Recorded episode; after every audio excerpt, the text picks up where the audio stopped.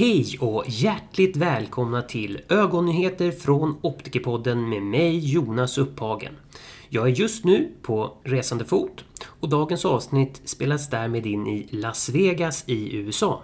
I senaste numret av Läkartidningen gjordes ett intressant reportage om Charles Bonnets syndrom som jag tänkte sammanfatta här i Optikerpodden. Charles Bonnet syndrom är ett tillstånd som innebär komplexa synhallucinationer hos mentalt och kognitivt friska personer som är medvetna om att hallucinationerna inte är verkliga. Synhallucinationer kan grovt delas upp i enkla och komplexa hallucinationer. Med enkla menas olika typer av ljusfenomen och prickar, så kallade fotopsier, som ses vid till exempel glaskroppsavlossning. Komplexa synhallucinationer beskrivs däremot som livliga, formade och realistiska och kan till exempel utgöras av olika typer av figurer, ansikter, växter och djur. Det finns ett starkt samband mellan förvärvad nedsatt synskärpa och Charles Bonnets syndrom och den vanligaste associerade ögonsjukdomen är åldersrelaterad makuladegeneration.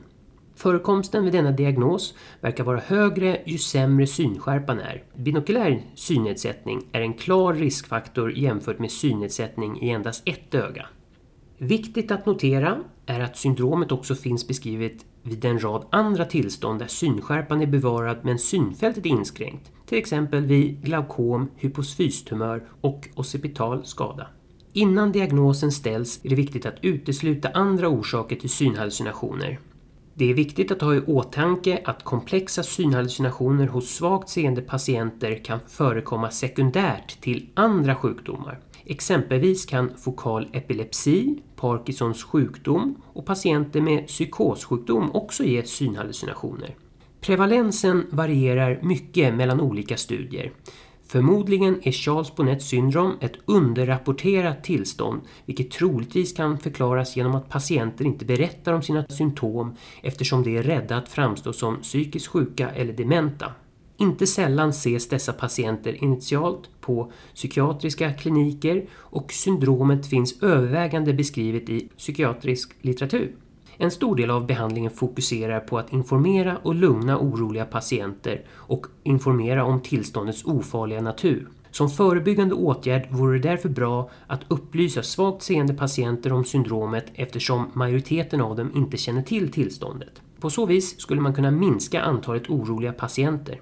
I övrigt syftar behandlingen till att maximera den kvarvarande synen, vilket kan göras med synrehabiliterande hjälpmedel samt olika typer av intraokulära ingrepp som kataraktoperation, korneal kirurgi eller laserbehandling vid proliferativ diabetesretinopati.